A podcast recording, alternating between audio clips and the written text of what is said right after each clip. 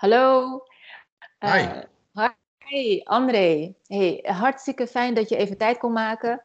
Uh, ik zit hier met André van der Graaf. Ik zal hem even kort voorstellen. Wij hebben een tijdje intensief met elkaar samengewerkt in het kader van een loopbaantraject. Dus uh, we kennen elkaar aardig goed. En vandaag gaan we een deel van jou naar voren brengen. En dat is dus je hooggevoelige zijn en dat je hoogbegaafd bent. Klopt. En ik wil je als eerste aan het woord laten over, daar komt hij André, over hoe je als kind was. Ja, ja uh, leuk dat je me uit hebt genodigd voor, uh, voor deze video-chat. Dus ik uh, ben benieuwd. Ik ben het, vind het ook heel interessant om dat te delen van hooggevoeligheid en hoogbegaafdheid.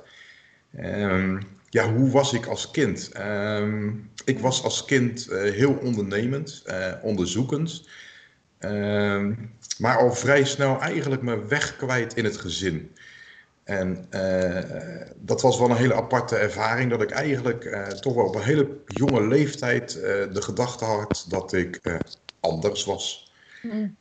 anders was in het gezin, anders was met mijn vriendjes. Ik had vrij veel vriendjes, ik deed veel aan sport, altijd revolte buiten, maar op school ook anders. moeite met leren, zei de leraar, zei mijn omgeving. Uh, André moest maar met zijn handen gaan werken. En uiteindelijk heeft André gewoon HBO gedaan. Dus, uh, maar alles op, op de manier van André. Uh, eigen leermethodes geleerd. ja, beelddenker, alles, alles doorheen, alles ja, door elkaar. Ja, ja, vertel, vertel daar eens over. Dus als kind werd er tegen je gezegd, ja, nou ga maar wat met je handen doen. Ja. En, ja, en de meeste mensen vonden dat je niet zo goed kon leren. En hoe dacht jij daar zelf over? Uh, ja, je weet je, je bent hartstikke jong. Uh, mijn schoolonderzoeken van CITO, die waren laag, maar ik had geen interesse. Ik was snel afgeleid. Nou ja, wat ik nu weet, zijn al die signalen komen gewoon hard binnen, kwamen hard binnen, zo moet ik het zeggen. Dus ik was heel snel afgeleid in de klas. Als er maar een papiertje viel, dan hoorde ik het. of er iemand kuchte. Dus uiteindelijk was ik gewoon niet met mijn leren bezig, maar was ik met mijn omgeving bezig. Mm. En, uh, maar ik kreeg ook, naar mijn inziens, gewoon ook niet de begeleiding. Want die was er toen niet. Jaren 70. Dus uh, half jaren 70, dus dat was het helemaal nog niet bekend. Dus uiteindelijk uh, ja, was dus uh, het eindresultaat van de school was LTO's, LTS A-niveau. Uh, want de leraar, ik heb het schriftje nog, staat er netjes in. André, moet je maar met zijn handen laten werken. Want dat kan André het beste. Want ik had bijvoorbeeld in de zesde klas, was, nou, wat nu groep 8 was, kreeg ik nog schrijfboekjes van de eerste klas. Hm. Omdat ik ook gewoon niet kon schrijven. Maar het interesseerde me ook helemaal niet. Nee, het interesseerde me ook gewoon niet. Want ja, ik was anders. Ja, en wat interesseerde jou wel?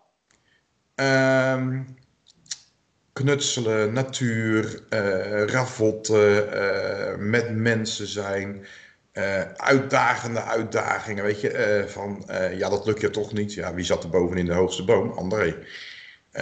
Ik was zes jaar, toen werd ik al opgejut door een aantal grote jongens van, ja, jij durft niet op dat rode knopje te drukken van die heimachine. Wat deed André? Die drukte op dat rode knopje van de heimachine. Dus allemaal dat soort dingen, dat, dat was André. het uitproberen, het onderzoeken ja, dat was mijn, mijn leven toen. Ja, ja, en wat ik me herinner is dat je op een gegeven moment uh, dus je eigen leermethode ontwikkelde. Dat had je net ook al genoemd. Ja. Kun je daar iets over vertellen? Ja, wat ik, wat ik merkte, ik, uh, ik had ook altijd, wat ze tegen mij zeiden, een leesprobleem. Ja, dyslexie en dat soort dingen heb ik ook. Dat maakt niet uit. alleen, als je je eigen dus nergens voor concentreert en met die gedachte dus gaat lezen, eh, dan heb je het zeker. Dus uiteindelijk heb ik dus een eigen leermethode gedaan. Dus ik heb gewoon Ik had er heel veel tijd voor nodig. En ik heb me dus uh, altijd ging ik samenvattingen schrijven. Ik las het één keer over. Ik had een marksticht bij me en ik schreef het over. Maar met het overschrijven schreef ik het dus ook in mijn gedachten. Dus ik kon gewoon visualiseren echt wat ik opgeschreven had. Dus ik hoefde maar een blad om te slaan als ik een examen had. En ik wist precies, oh, er staat op bladzijde 4 uh, de vijfde regel. En zo heb ik dus geleerd. Geweldig. Ja, ja. Ja dat was heel apart. Dus ja, uh, en dat is eigenlijk tot aan nu. Uh, is dat gebleven. Dus als mijn handen, als mijn ogen, als mijn oren iets maar merken en ik kan het opslaan en ik kan het herhalen, want dat is de kunst. Als ik het herhaal, ja, dan, zit, dan zit het in mijn geheugen gegrift. Ja, je, je hebt een uh, fotografisch geheugen. Ja, ook nog. Ja, ook nog. Ja, ook nog, ja. Ja, dat heb jij volgens mij ingezet. Uh, ja. ja, en op basis daarvan heb je je methode ontwikkeld. Ja, ja, ja. Ik, kwam Echt op, ik kwam echt op de LTS. Dus had ik, nou ja, we hebben met uh, afgesproken, André, oké, A-niveau, ja, dat is toch een beetje te laag. Dus laat André met naar B-niveau gaan. Maar ja, dan is het eigenlijk uh, wat nou uh, VHBO, of technisch, theoretisch leeronderwijs is. Nou, dat heb ik gedaan. Maar toen was ik al in de eerste klas, dacht ik achter, ja, dit gaat hem niet worden. Want dit ben ik niet. Dus uiteindelijk heb ik me toen zelf ontwikkeld. En toen heb ik dus alles erbij gezet. En toen heb ik dus uh, LTS C-niveau, of eigenlijk D-niveau gedaan. Toen ben ik naar de MTS gegaan. Ja, toen zat ik volledig in het vakgebied waar ik eigenlijk in geboren ben. In hetzelfde als de zaak van mijn ouders. Puur in de elektronica. En toen had ik de interesse, toen had ik een doel. En met dat doel ben ik zo gaan leren dat ik ja, bijna het beste jongetje van de klas werd. Ongemerkt. Ik had er wel heel veel energie voor nodig. Ja, ja. Ik, ik deed het. Ja, het slimste jongetje uit de klas. Ja, slimste jongetje. Ja, ja maar weet je, oh. ik, ik, heb niet altijd, ik ben niet geslaagd en dat soort dingen, daar ging het niet om. Maar uh, vakken die me voor interesseerden, ja, uh, wiskunde, ja, HTS, wiskunde, een 10, eindcijfer, ja. Uh, maar er zijn ook vakken bij die ik gewoon niet interesseerde. Kernfysica, ja, wat doe ik nou in vredesnaam in mijn dagelijks leven met kernfysica? Uh, wat voor kleur komt er vrij als ik twee atomen tegen elkaar uh, bots? Ja, dat zie ik niet, dus dat interesseert me niet. Dus dat vak had ik ook niet gehaald. Nee, nee, uh, ja, mooi. En als we het nou eens uh, hebben over um, hoe dan jouw hooggevoeligheid en hoogbegaafdheid in je huidige werkzaamheden naar voren komt, wat schiet jou dan als eerste binnen? Nou, ik kwam er pas later kwam ik er echt ja, een paar jaar later, of een paar jaar terug, kwam ik pas echt achter dat ik uh, hooggevoelig was. Want ik zat echt gewoon met mezelf in de knel. Uh, werk ging niet lekker, relaties gingen niet lekker. Uh, ik was anders. Zo mhm. voelde ik me ook dus helemaal. Vanaf eigenlijk met, dat ik het moment dat ik het, het besef heb, nou ja, een jaar of drie, vier, ben ik gewoon anders. Mm Ja, en dat functioneerde dus in mijn werksituatie dusdanig dat het geen functioneren meer was. Eh, voor de baan die ik hiervoor heb gekregen. Dus vandaar dat ik ook in die periode dus jou heb ontmoet. Ja. Eigenlijk al heel lang jou gevolgd heb op Facebook. Totdat ik bij mezelf dacht van ja, en nu moet er gewoon een uh, coachingstraject komen. Nou, die zijn we netjes ingegaan. Uh, toen werkte ik bij een andere werkgever. Helaas uh, werkte dat met mijn hooggevoeligheid dusdanig slecht dat ik een, een leidinggevende kreeg die ja, waar, waar ik best wel uh, uh, probleempjes mee had, om het zo maar te zeggen. Uh -huh. ja, die hebben we ook veel, veelvuldig besproken. En mm. uiteindelijk hebben ze mij het geluk gegeven dat ze mijn contract niet hebben verlengd. Ja, en zo zie ik het als een gave van hun, als een beloning dat ik toch mijn best heb gedaan. Mm -hmm. hebben ze met mijn contract niet naar onbepaalde tijd gezet. Dus wel op de baan gekomen die echt op mijn lijf geschreven is. Ja, en dat is gewoon gaaf. En, en daar was ook iets magisch aan. Hè? Want uh, ja, als dat, ik dan even terugdenk ja, ja, ja, dat, aan, ja, aan, aan lang, lang geleden, hè, dat, uh, dat een van de kinderen van jouw ouders zou het bedrijf gaan overnemen. Ja, ja en ja. dat heeft ook een tijdje gespeeld. En ja, jij was eigenlijk de aangewezen persoon. En nu heb je dus eigenlijk de functie waarin jij al je kwaliteiten in, in, in kwijt kan. Klopt, ja, ja. Mijn ouders hebben zo'nzelfde bedrijf gehad. Dat was een uh, productiebedrijf in elektronica. Uh, dat hebben ze eigenlijk al gedaan uh, of begonnen toen ik een jaar of zes was. Dus als wij gingen, naar school gingen, dan werd de keukentafel werd schoongemaakt. En mijn moeder ging de elektronica doen. En in de middagpauze werd de tafel weer schoongemaakt. Dan kregen we onze lunch. En daarna ging er weer elektronica weer op de tafel en de avondeten. En daarna ging de elektronica weer op, op, op tafel. Dus uiteindelijk was dat heel mijn uh, ritueel. nou, mhm. ik, ik, ben dus, ik, kom dus uit een gezin met uh, drie broers. En uh, drie, alle drie zouden dus in de zaak gaan. Helaas is die zaak failliet gegaan. Ik heb er zelf maar een jaartje in mogen werken. Maar dat botste ja, tussen mij en mijn oudste broer. Omdat ik een totaal andere visie heb. Mhm. Nou, met heel veel omzwervingen ben ik dus terechtgekomen bij een oude vriend van mijn vader. Een oud collega. die heeft dus zo'nzelfde bedrijf opgestart. En daar werken op dit moment 140 man. En ja, daar ben ik dus een manager MPI'er. Dat is een nieuw project investigation. En ik doe het customer project management. Dus alle nieuwe ontwerpen, alle creatieve dingen die klanten hebben, ja. begeleid ik. Ja. En tot... daarvoor ben je gemaakt. ja, schijnbaar wel, ja. Ja, ja, ja schijnbaar dat, uh, wel. Ja, het, het, het, het meest vreemde, maar dat heb ik ook al een paar keer met sessies met jou besproken, is dat het zo raar is dat het zo makkelijk deze functie te vervullen is. Mm want ik heb de baan hiervoor, was ik sales accountant. Ja, daar heb ik mijn eigen ontzettend moeten vechten om maar een plekje te hebben.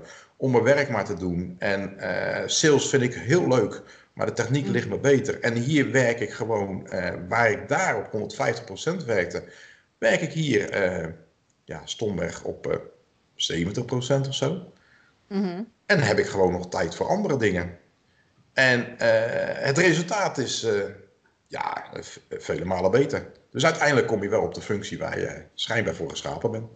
Ja, dat is echt geweldig. Ja. En uh, terwijl ik naar je luisterde, uh, moest ik er even aan denken dat uh, van alle hooggevoelige en hoogbegaafde mensen die ik in mijn praktijk ehm, voorbij heb zien komen, met wie ik samen heb gewerkt, zie ik één hele duidelijke rode draad. En dat is dat je als hooggevoelig en hoogbegaafd persoon eigenlijk altijd, um, je bent heel erg, ja, inderdaad onderzoekend, je wilt creëren, maar ook altijd uh, iets, iets beters maken of, of iets nog efficiënter maken. Ja. Hè? En uh, ik heb bij jou ook gezien dat dat in jouw werk naar voren kwam. Kun je daar wat over vertellen?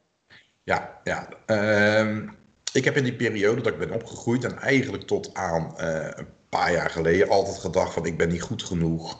Uh, ik moet het verbeteren. Ik moet de wereld verbeteren. Uh, zo heb ik ook in het leven gestaan. En uiteindelijk uh, is het bij mij nu goed genoeg. En eh, bij heel veel dingen wat ik doe. En in mijn werkzaamheden zie ik dat ook. Alleen, dat betekent wel dat ik... ik heb maar een heel klein beetje nodig om verbeteringen... of mogelijke verbeteringen te zien. En mij daarom in te storten. je kan het alleen overhaast doen. Dat heb ik in de vorige banen gedaan, dat ik echt uh, eigenlijk heel agressief als een dolle stier door een porseleinkast zei van, en dit moeten we oh, wijzigen. Nee. Ja, dit moeten we wijzigen. En nu is het zo dat ik gewoon, oké, okay, ik analyseer het, ik ervaar het en ik kijk naar een oplossing. En als de tijd daar rijp voor is, dan draag ik het voor. Alleen ik doe het vele malen subtieler dan die dolle stier. Ja, dus dat was een enorm proces. Dat was een heel. Ja, absoluut. Maar dat kwam ook omdat, uh, nou ja, je weet het zelf wel met hooggevoeligheid. Bij mij stonden gewoon al die antennes stonden open. Dus ik, ik hoefde maar iets op te vangen of ik was al emotioneel geraakt door. En het rationele denken, dat lukte niet meer. En nu is het zo van dat ik dus de energie die vrijkomt, die ervaar ik. Uh, ik kijk of die voor mij is of wat ik er iets mee doe. En uh, als ik hem moet blokken, blok ik hem. Maar als ik hem moet binnenlaten, dan laat ik hem binnen. En mhm. dan pas ga ik dus, dan ga ik meer de rationele kant op. En dan ga ik daar wat mee doen. Ja, ja zeker. Ja. Dus ja, wat mensen wel eens zeggen van ja, hij heeft aan een half woord gelijk. Klopt. dat klopt als een bus. Uh, ja, dat is nu ja, gewoon fantastisch om te ervaren. Ja, ja en om nog even in te springen op dat je, het, dat je er nu eigenlijk meer tijd voor neemt. Ja. Je neemt meer tijd voor um, uh, ja, hoe jij eigenlijk te werk gaat. En, um, en op een hele subtiele manier geef je dan aan uh, richting je collega's uh, hoe jij het ziet. Ja. en hoe je het zou zien willen veranderen. Ja. Um, de verandering die ik bij jou ook heb meegemaakt, is dat je bent gaan leren te delegeren. Ja, dat is moeilijk. dat was, dat, dat, is nog steeds moeilijk. Ja. En hoe komt dat? Om, ehm, nou ja, het, het, probleem is hoeveel ik het zelf doe, heb ik de controle in mijn eigen hand. En uh, dan kan je dus ook alles sturen en alles leiden. Dus uh, alles is niet goed genoeg. En ik heb dus dat altijd gebruikt om uh, mezelf te verbeteren en tot de situatie te komen uh, dat het echt top was. En dat is het probleem. Maar uiteindelijk kan je dus niet alles doen. het heeft echt voor nodig een tijdje. Maar dus kan je niet alles doen. En ja, dan zie je wel van oké, als ik dit dus delegeer, als ik dit uit mijn handen durf te geven, dat is het vaak het is niet vaak van oké, okay, delegeer het er klaar. Maar kan ik iemand, kan ik iemand deze taak toevertrouwen? En uh, kan ik dan het, het, een, een vergelijkbaar resultaat ontvangen van hem dan dat ik zelf van mijzelf verwacht? Uh, alleen dat is een bewustwording. Ja. En uh, ja, daar ben ik hard op aan het werken. En ik zie van oké, okay, ik mag voor mezelf dus ook fouten maken. En dat heb ik een periode gehad dat ik dus uh, ook in mijn relatie, in mijn groeiproces, uh, in het gezin, maar ook in mijn relatie, zeker in mijn relatie, heb ik gemerkt dat ik van nou oké, ik mag dus absoluut geen fouten maken. Want als je een fout maakt, ben je niks nut. Ja. Want het werd zo ingeprent op school. André kan toch niks. André moet maar met zijn handen gaan werken. Nou, ja. en dat is dus uh, ja, in mijn geheugen ingegrift. En ja, ja, dat ben ik zachtjes aan het, aan het uitpoetsen. Mm -hmm. Heeft ja. alleen tijd nodig. Ja, inderdaad. Je bent flink aan het poetsen geweest. Ja. Ja, ja en, en nog steeds af en toe komen de restjes naar boven en dan ga je er gewoon weer mee aan de slag. Absoluut. Ja, ja. Want, want je bent beter geworden in het maken van fouten. Uh, nee. Uh, nee, nee, dat, nee, dat niet. Nee, nee, nee. Ik ben beter geworden in het accepteren van fouten. Ja, dat is het. Je bent er beter in geworden om fouten te accepteren. Juist, juist. Ja. Juist, er zit altijd bij mij nog die drang om uh, te streven naar perfectie. Maar dat is ook omdat ik van huis uit gewoon een uh, ontwikkelaar ben, een engineer. Dus je bent een product wat je hebt ontworpen, is dus nooit goed genoeg. Want op het moment dat je bezig bent met het evalueren van je eerste product, denk je van, oh, als ik dit nou zo aanpas, dan is het weer een stukje beter. Dus een ontwerp is nooit af. Alleen, een ontwerp moet wel goed genoeg zijn om het te kunnen verkopen. Ja, ja absoluut. Ja.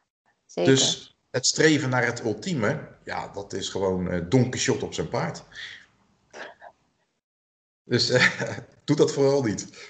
Nee, nee, dus het paard staat in de stal bij jou. Ja, ja, ja, ja. En mijn land van Don Quixote staat ook uh, in de hoek. Oké. Okay.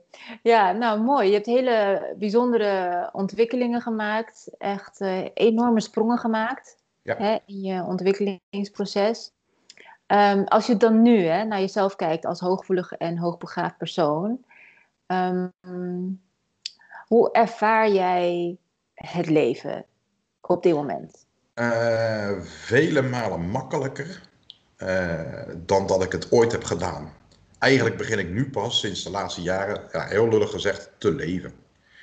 Ja. Uh, waarom? Omdat het niet zo benauwd is. Het is ik, ik heb het omarmd. Ik heb uh, hooggevoeligheid uh, en uiteindelijk later ook hoogbegaafdheid. Het zat wel even, dat was moeilijker te accepteren. Van ja, ik, maar ik ben helemaal niet slim, weet je, voor mijn gevoel. Ik ben helemaal niet, niet de persoon die met zijn negende universitaire opleidingen af heb gerond. Nee, maar het is een andere vorm van hoogbegaafdheid. Mm -hmm. dat ben ik wel ervaren dat ben ik dus gaan ontarmen op die manier. En wat, ik, wat mij erg geholpen heeft, dat zijn die sessies met jou. Mm. Uh, nou, de ademhalingssessies gingen meestal wat moeilijker. Wat, uh, maar dat, ja, dat, dat zit dan toevallig aan mij. Maar ik heb me dus ook ontzettend uh, in verdiept door te gaan lezen in het onderwerp. Mm -hmm. Dus ik, ik ben, ik heb, nou, wat, wat voor mij een echt een groot probleem was, was het lezen. Want daar kwam niet weer. André kan mm. toch niet lezen. André moet geen voordracht geven, want er komt er nooit goed uit. Dus we slaan André altijd wel over op school. Eh, laat André maar in de hoek zitten, want die heeft angst, die heeft faalangst, dat soort dingen. Nou, André heeft helemaal geen faalangst, want het is onzin. Maar dat wordt je aangepraat, dat wordt, dat, ja, dat wordt je gewoon opgelegd. Mm. En uiteindelijk heb ik dus heel veel uh, boeken erover gelezen nu. Ik denk dat ik nou op een kleine tien, tiental boeken ben. En de ene is interessanter dan de ander. Maar het geeft je wel uh, heel veel wijsheid met die, oh ja, al die mhm. herinneringetjes, al die, -hmm. oh ja, ja, dat klopt, dat heb ik ook ervaren. Ja, mm -hmm. zo voel ik het ook. Mm -hmm. En als je dan, die, en vooral de boeken waar er staan van, joh, uh, pas dat even toe, uh, uh, ga erover nadenken en evalueren hoe het in jouw ding is. En je krijgt die opdrachtjes. Ja, Ja. daar ga je echt gewoon eh, intensief met jezelf bezig. Ja. Ja, en dat is fantastisch. Ja, ik kan me herinneren dat je een keer een sessie binnenkwam en ook begon over een boek dat je aan het lezen was, de opdracht aan het doen was. En dat was volgens mij in relatie tot angst. En eh, dat het je gewoon heel veel eh, inzicht had opgeleverd. Ja, dat is echt mooi. Ja, Ja, ja.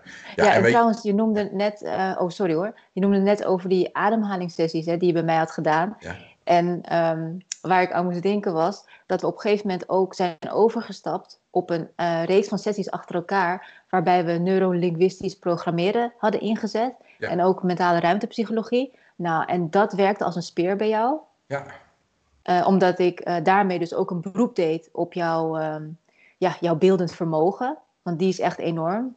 Hè? Ja. Jouw, jouw fotografisch geheugen, echt zo van pam, je zag een beeld, je kwam in het gevoel en transformatie kon beginnen. ja, ja, zeker, Ja. Die, zeker die sessie dat mijn armen gingen opzetten. Bij mijn Oh, ja. polsen.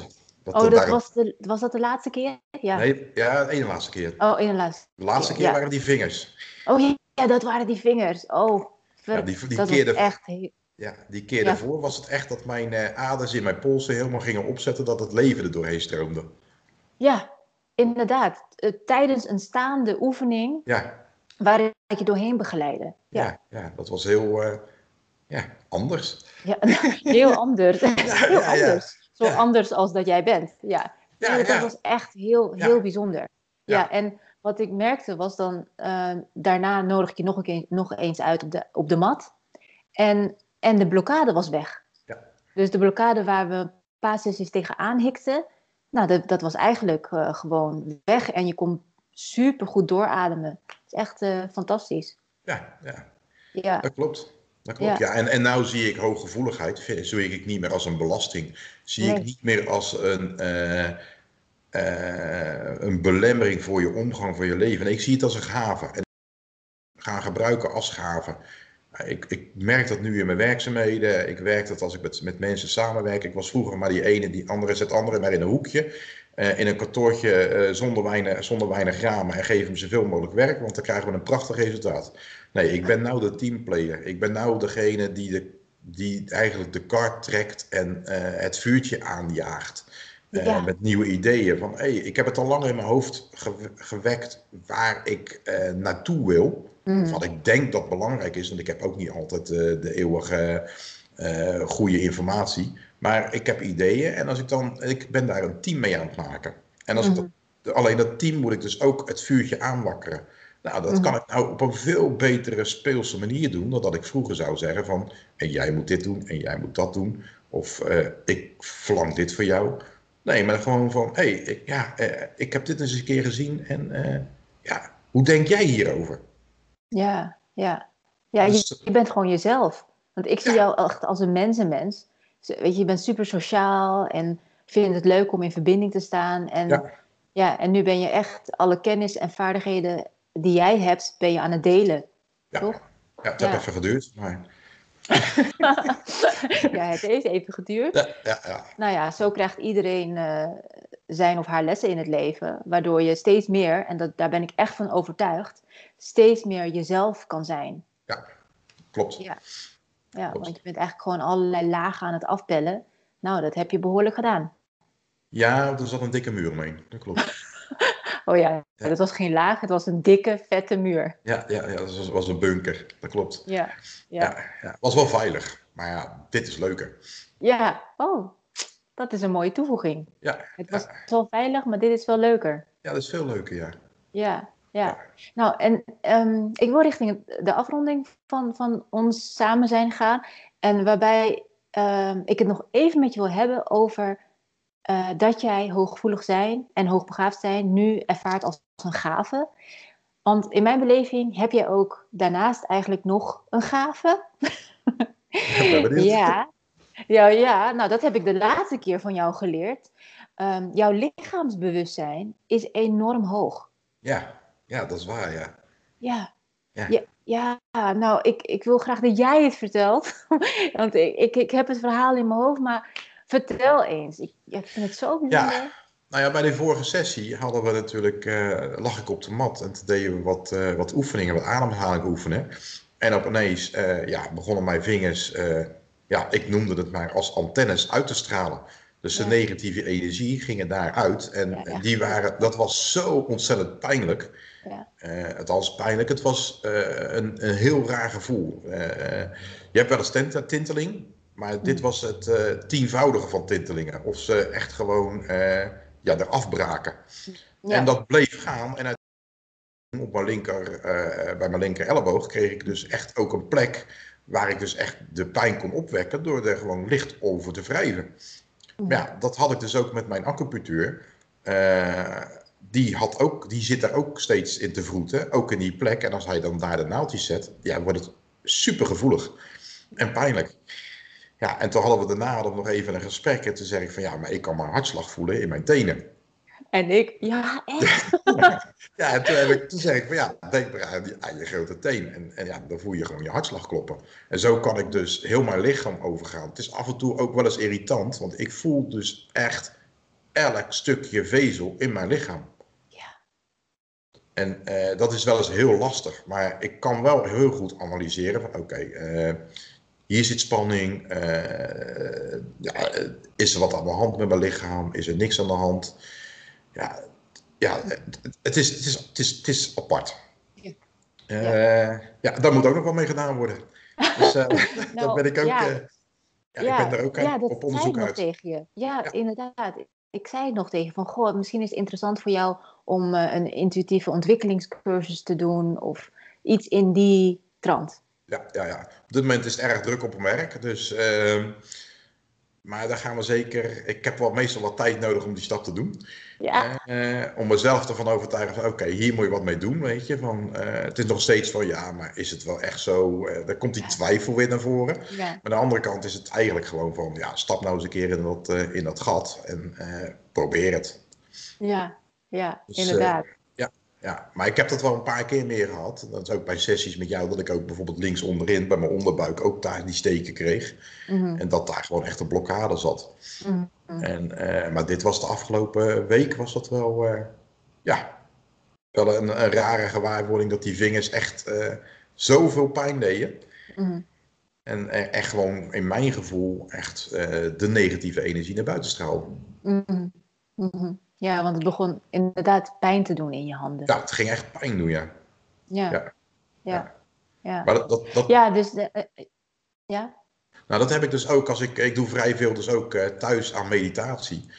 En, uh, maar dan heb ik het ook. En dan zit ik zo lang in mijn meditatie, en meditatie en dan kom ik er, probeer ik eruit te komen. Dan denk van, oké, dan kijk ik naar mijn handen die geopend liggen op mijn schoot. denk van, nou, daar zitten hele mooie vingers aan. Beweeg ze nou eens. Ja, dan lukt dat dan niet.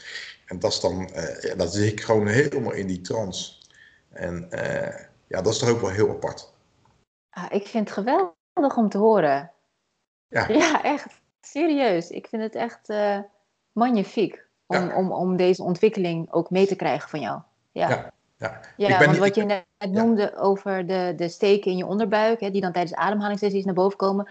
Uh, in mijn beleving staat dat in relatie tot uh, onverwerkte trauma's, die dan in het systeem uh, worden vastgehouden. En dat masseer je dan eigenlijk los middels het doen van de verbonden ademhaling en het volgens te uiten. Uh, maar dat jij, weet je, je hartslag kan voelen in je grote teen.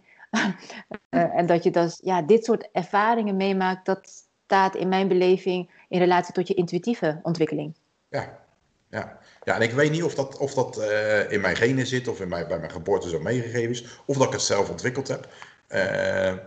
Het zou goed kunnen uh, dat ik me natuurlijk uh, ja, vanaf het jongste jaren dat ik me eigenlijk, wat heb ik de vorige keer ook al gezegd uh, bij jou in een sessie, dat ik me eigenlijk buiten het gezin, als, ik, nou, ik als vreemdeling in het gezin heb gevoeld.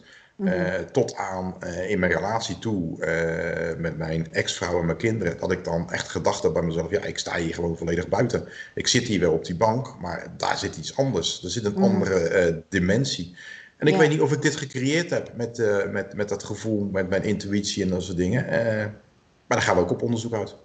Ja, nou, ik, ja, ik geloof dat, dat we allemaal intuïtieve wezens zijn. Hè? En dat door alles wat we meemaken in het leven, dat dat dan op een gegeven moment geblokkeerd raakt. Ja. Hè? Voor, of voor een deel of, of helemaal.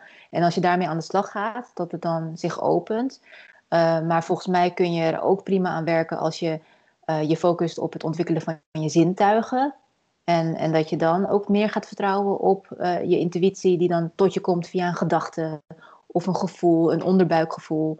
Ehm, ja, dus er zijn verschillende manieren, maar volgens mij heeft het ja, gewoon te maken met je ontwikkeling in het algemeen. Ja, nou dat denk ik ook, ja. Ja, ja, ja, ja. gewoon steeds meer helemaal jezelf zijn. Ja, ja. Is wel lekker trouwens. Ja, heerlijk hè? ja, ja, ja, ja, ja. Zo lekker. Echt, ja, ja, ja, ja, dat is wel apart. Ja, dat is toch wel uh, beter dan uh, ja, de bekrompen leven, het opletten of je wel uh, in trek valt bij iedereen.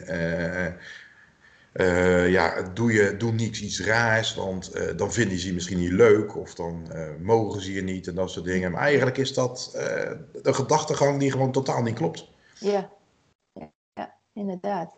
Ja. Nou, zou jij nog iets mee willen geven aan hooggevoelige en hoogbegaafde personen die nog in de acceptatiefase zitten? Ja, zeker. Uh, doe zoveel mogelijk uh, studie, onderzoek, uh, eventueel een coaching als je er zelf niet uitkomt. en vooral omarmend. Mm Omarm dat je hooggevoelig bent en zie het als een gave. En zie het totaal niet als een belemmering. Maar je kan hier zoveel voordeel mee doen. Je kan situaties, op, dat heb ik op mijn werk, ik merk spanningen als er spanningen zijn en daar kan ik op acteren. Ik merk mm. gewoon eh, als mensen in de problemen zitten. Dat wil niet zeggen dat ik ze moet helpen, maar ik kan daar wel rekening mee houden. En wij als hooggevoeligen hebben daar gewoon ja, een neusje voor. En die voelsprieten. En ja, gebruik het. Ja, ja. En, en ja, het klopt. Wij zijn iets anders. Wij zijn iets anders. Maar wij zijn eh, niet minder dan een ander. Ja. Mm Absoluut. Nou, dank je wel. Dank je wel dat je dit nog even mee hebt gegeven. En dan wil ik je uh, hartelijk bedanken voor je tijd. Ja, jij ook eh, bedankt. ja, graag gedaan. Dus nou ja, ik wens je nog een hele fijne dag. Um, het is een mooie dag, een beetje grijs. Ja. Maar uh, we gaan, laten we het weekend ingaan. Gaan we zeker doen. Ja, toch? Ja. nou, nogmaals, dankjewel. Ik vond het fantastisch om al je verhalen te horen. En uh, ja, ik hoop dat de kijker wat aan heeft. We gaan het zien. Ja, ja. is goed. Oké, okay. okay, bye. Doeg.